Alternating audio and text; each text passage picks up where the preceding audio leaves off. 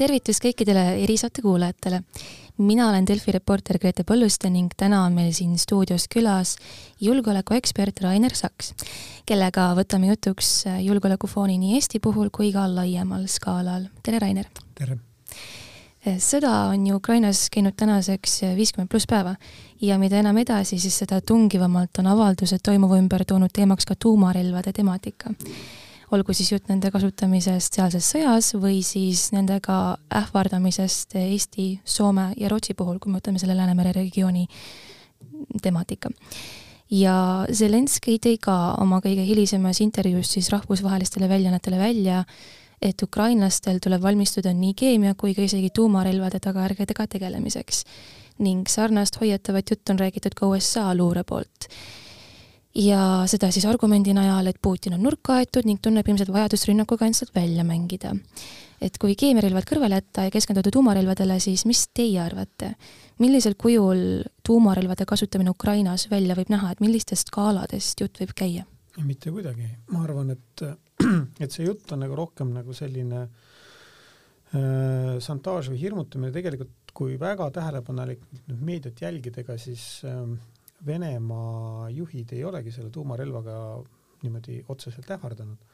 see on pigem nagu sellised äh, arvamuslood, kust nagu sellised äh, väited tulevad ja siis nad on hakanud oma elu elama ja, ja selles mõttes võib-olla nagu Venemaal seda osatakse niimoodi takka kütta, aga minu arust on ainuke inimene, kes on Venemaal tuumarelva kohta väga selgelt öelnud, on, on endine president äh, Dmitri Medvedjev, kes on ühemõtteliselt ka öelnud, et Venemaa kasutab tuumarelva ainult siis, kui ta tunneb oma eksistentsi ohus olevat. no see eeldab nagu kaitse e eesmärgil tuumarelva kasutamist. no võib sellise konstruktsiooni teha mis tahes sündmuse kohta, et see nüüd, nüüd eksistentsi ohustab, aga, aga ma olen üsna kindel, et praeguses kontekstis sõja sellises faasis nagu see tuumarelva kasutamine ei ole teema tõite jutuks selle eksistentsiaalse ohu, mis on siis välja toodud, et Venemaa kasutab tuumarelva, kui tunneb eksistentsiaalset ohtu. ja kuidas te tõlgendate seda, millal on Venemaale eksistentsiaalne oht, et see on ju väga laiasti tõlgendatav, on ju? see on väga-väga laialt tõlgendatav ja, ja heal tahtmise korral võib sinna alla ükskõik mida, äh, mida nii-öelda siis liigitada või arvata. aga antud juhul ma siiski juhin tähelepanu selle, et Ukraina ei ole tuumariik tuumarelvast loobunud riik, kuigi ta ei ole ka tuumarelva omariik otseselt olnud, sest see on Nõukogude Liidu lagunemisel tekkinud uus riik. ja selle tõttu ma arvan, et noh, mitte tuumariigi vastu, olles teda ise rünnanud, kasutada tuumarelva on üsna keeruline äh, seda ette kujutada, väga erinevatel põhjustel, eriti just nagu, mis need tagajärjed on. ja teiseks, kui Venemaa tahab seda teha, siis ta peab olema kindel, et sellele ei järgne mitte mingisugust vastulööki see nüüd on väga paljuski lääneriikide kätes, aga ma arvan, et avalikus kommunikatsioonis ei, võib-olla isegi seda nii palju ei käsitletaks, aga, aga ma usun, et nagu Venemaal on üldiselt teada, kust kohast jooksevad nagu sellised jooned, kus, kus nagu, millest ta tegelikult ikkagi ei tohi nagu üle astuda. eksistentsiaalne oht Venemaale tähendaks seda, kus sõjalise surve tulemusena nende põhiseaduslik kord oleks ohus ja selleks kindlasti Ukraina võimeline ei ole aga kui võtta need äh, hiljutised siis väited, justkui Ukraina oleks rünnanud üle, üle piiri olevaid Vene alasid, on ju, et kas sealt hakkab midagi nagu ei, üles ehitatud no,? selles mõttes, et seda praegu Venemaa ikka kasutab rohkem selleks, et et luua riigis nagu seda fooni, et inimesed tuleksid armeesse, neil on noh, sisuliselt vabatahtlik mobilisatsioon, nad üritavad äh, värvata siis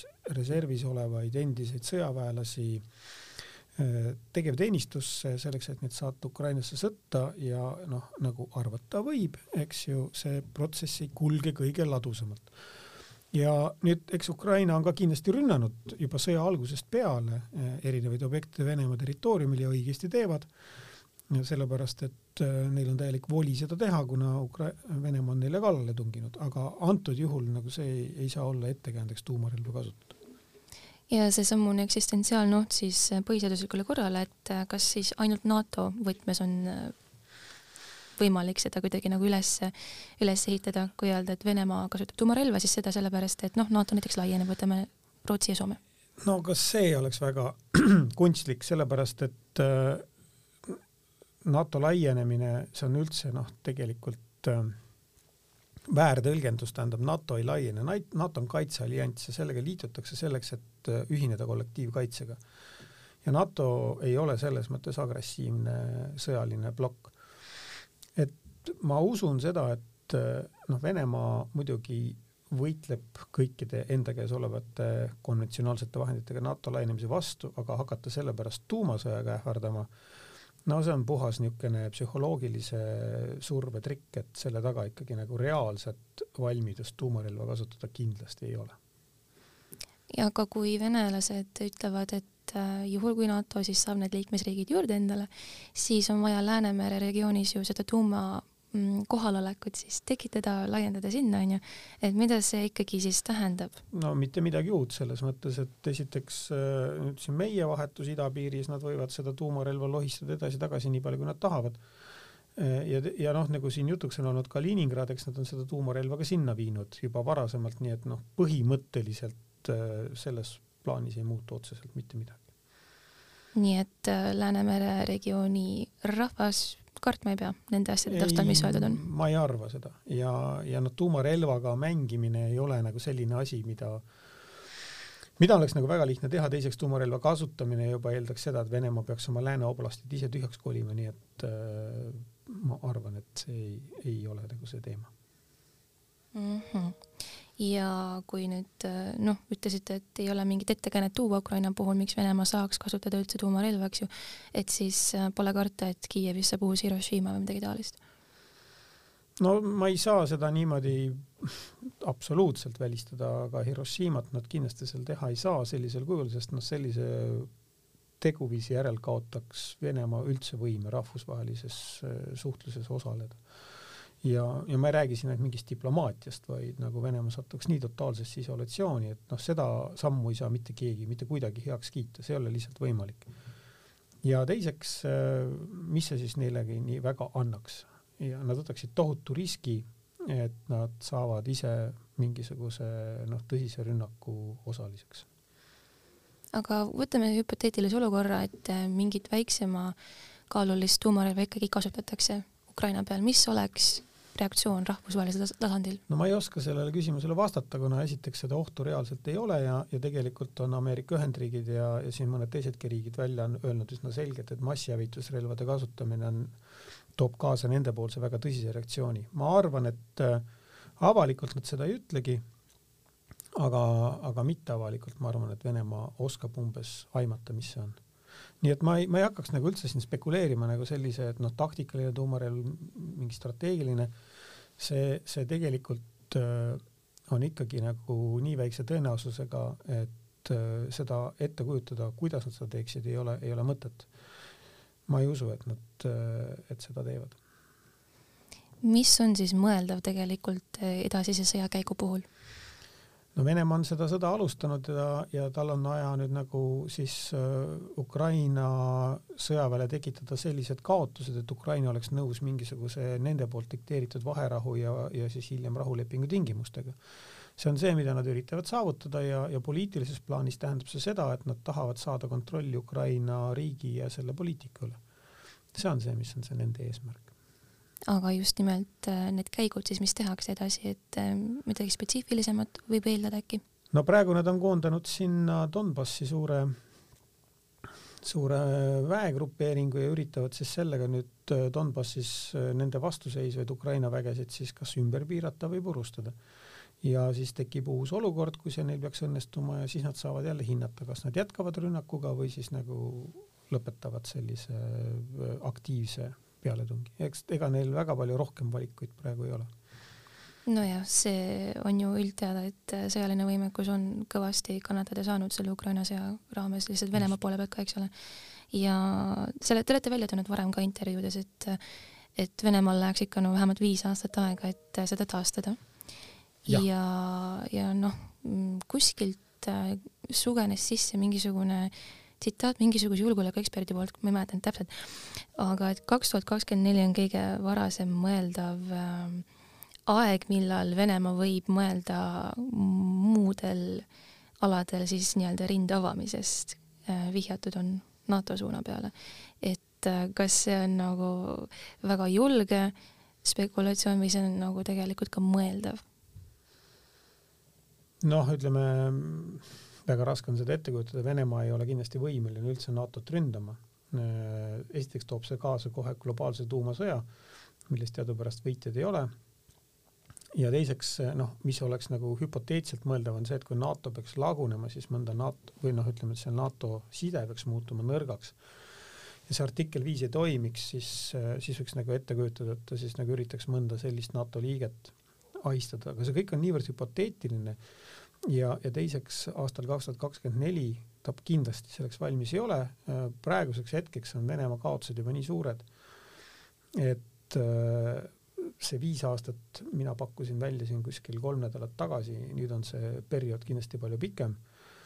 kaotused on lihtsalt vahepeal niivõrd massiivselt kasvanud ja, ja ma räägin siin konventsionaalse äh, sõjapidamise võime nii-öelda taastamisest. praegu järjest seiskuvad Venemaal need äh, kaitsetööstuse tehased, sest sanktsioonide tõttu ei ole neil äh, piisavalt siis komponente oma toodangu valmistamiseks enamus nendest komponentidest pärineb välismaalt ja noh, relva puhul on see, et ta kas töötab või ei tööta ja ta töötab siis, kui ta on sada protsenti komplekteeritud, kui on kasvõi üks protsent osades puudus, see relv ei hakka tööle.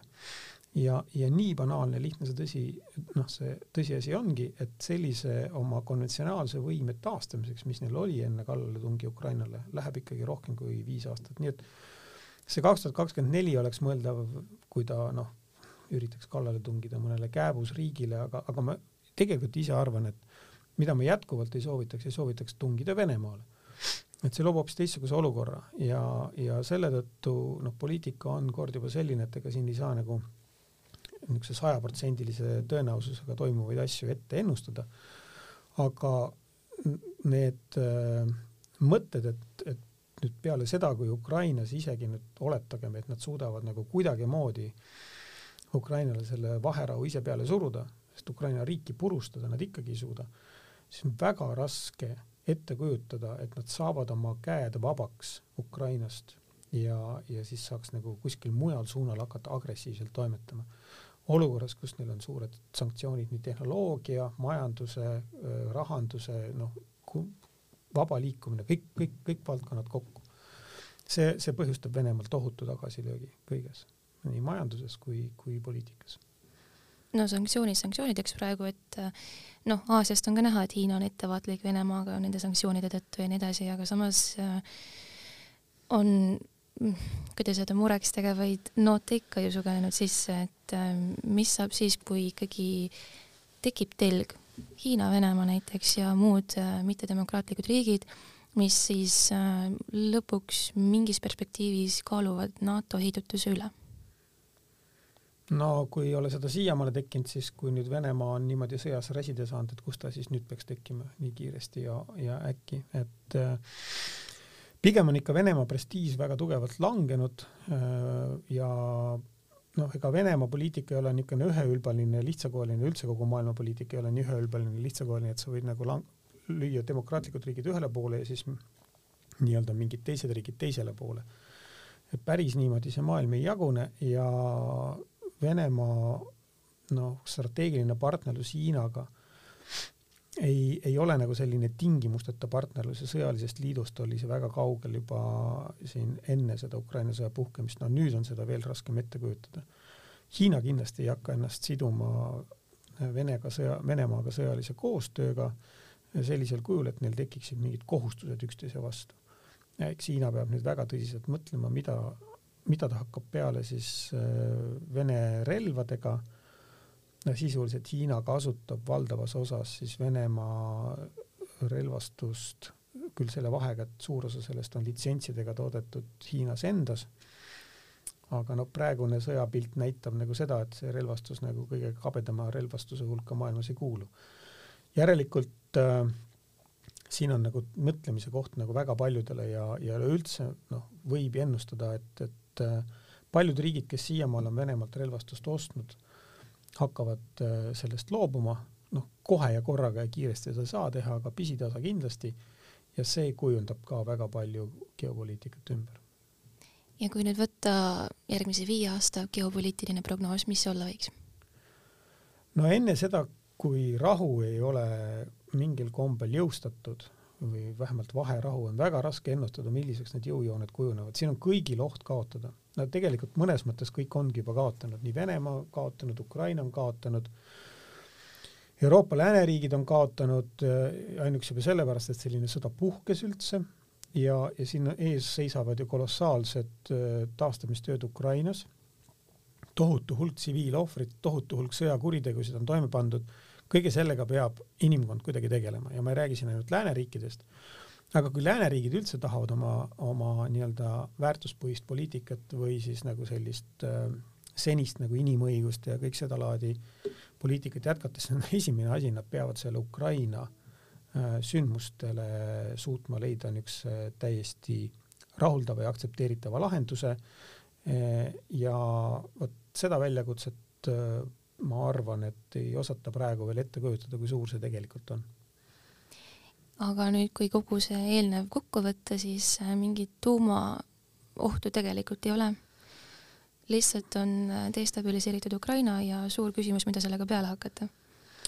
no ei, no sõja, sõda ju jätkub ja selles mõttes, et ma nagu seda tahakski rõhutada, et ma ei tea, kuidas see sõda täpselt lõpeb, et äh, siin mõni päev on Ukraina edukam, teisel päeval on ta ebaedukam, Venemaal hakkavad reservid varsti otsa lõppema, aga ka Venemaal on võimalus hüpoteetiliselt minna pikaajalise sõja peale, et see sõda võib kesta ka aastaid, erinevad stsenaariumid on võimalik välja joonistada. Ma ei näe tuumarelva kasutamise ohtu seni, kuni see sõja fookus on püsinud seal Ukrainas piires ja, ja see sõjategevusele laienenud, noh isegi noh, kui ette kujutada, Valgevene kaasamine ei pea ka tingimata seda tähendama. aga juba see, et noh, Valgevene president on sellest sõjast niimoodi kõrvale hoidnud, kuigi ta on Venemaa survel, näitab seda, et, et noh, Venemaal ei ole lihtne äh, sellesse seda sõda nii-öelda kaasata rohkem, rohkem nii-öelda osalisi ja, ja, ja kui, kui nüüd nagu mõelda, et miks ta peaks siis nagu ka seda väga tahtma, et saada nagu enda vastu nagu rohkem riike võitlema, et see kindlasti ei ole huvi. et seni, kuni see püsib nagu selles Ukraina raames, ma arvan, et see tuumasõja oht on nagu tõesti väike ja, ja tegelikult selle ära heidut-, ärahoidmise või selle tuumasõja heidutamisega tuleb tegeleda kogu aeg, sellega kui võimalusega peab planeerimises arvestama aga ei tohi seda nii-öelda pidada nii-öelda siis selliseks vääramatuks stsenaariumiks, mida peab kartma. ja peale selle ma arvan, et eks äh, lääneriikidel ongi noh, väga oluline mõelda ka siis nii-öelda selle sõjajärgse noh, muidugi esi, esiteks esimene asi, kuidas toetada Ukrainat niimoodi, et see sõda võimalikult kiiresti lõpeks ja teine asi, et, et kuidas ehitada siis seda julgeoleku süsteemi ja, ja sõjaheidutust üles peale selle sõja lõppu. nii et kokkuvõtvalt punkrit pole vaja keldrisse ehitada Eestis ega läänemaailmas? no nagu öeldakse, et kes ennast kaitseb, seda kaitseb Jumal, et, et äh, kuna, kuni tuumarelvad on olemas, tuleb selle tuumasõjaga arvestada, aga noh, üldiselt jah, ma arvan, et kuigi see, ütleme niimoodi, et kui sa kardad tuumasõda ja kui sa selleks ei valmistu, siis on see oht, et sellega suudaks, saadakse sind šantažeerida, on palju suurem kui see, et kui sa oled nii-öelda sellega arvestanud. no selge, aitäh nende rahustavate nootide eest siis Eesti rahva jaoks ja tänan ka Delfi kuulajaid, et kuulasite. jah, kõike head teile! järgmise korrani!